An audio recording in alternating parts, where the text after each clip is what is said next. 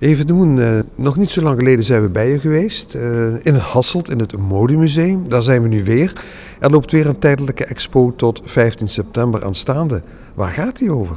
Inderdaad, uh, onze tentoonstelling Wonder Women is 13 april geopend voor het publiek. En de tentoonstelling, de tentoonstelling focust op het werk van vrouwelijke ontwerpers en vrouwelijke modemakers vanaf de 18e eeuw tot en met vandaag.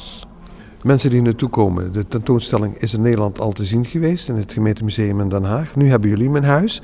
Jullie doen er altijd een eigen smaakje bij. Is dat nu ook zo? Ja, dat klopt. Dus de, tentoonstelling is eigenlijk aangepast aan uh, onze huisstijl, zeg maar. Ook aan de Belgische context natuurlijk. We hebben een, een uh, grotere focus op de Belgische ontwerpers, zoals bijvoorbeeld een Anne de Meulemeester en Veronique Branchino. Um, daarnaast tonen wij ook, ook eigen collectiestukken, dus uh, van onze museumcollectie, ook een aantal nieuwe aanwinsten. En we hebben een, een groter luik hedendaagse talenten, zeg maar, jonge vrouwelijke ontwerpers. Ik wil uit de sfeer komen. Jullie hebben een website. Ja, dat klopt. Uh, www.modemuseumhasselt.be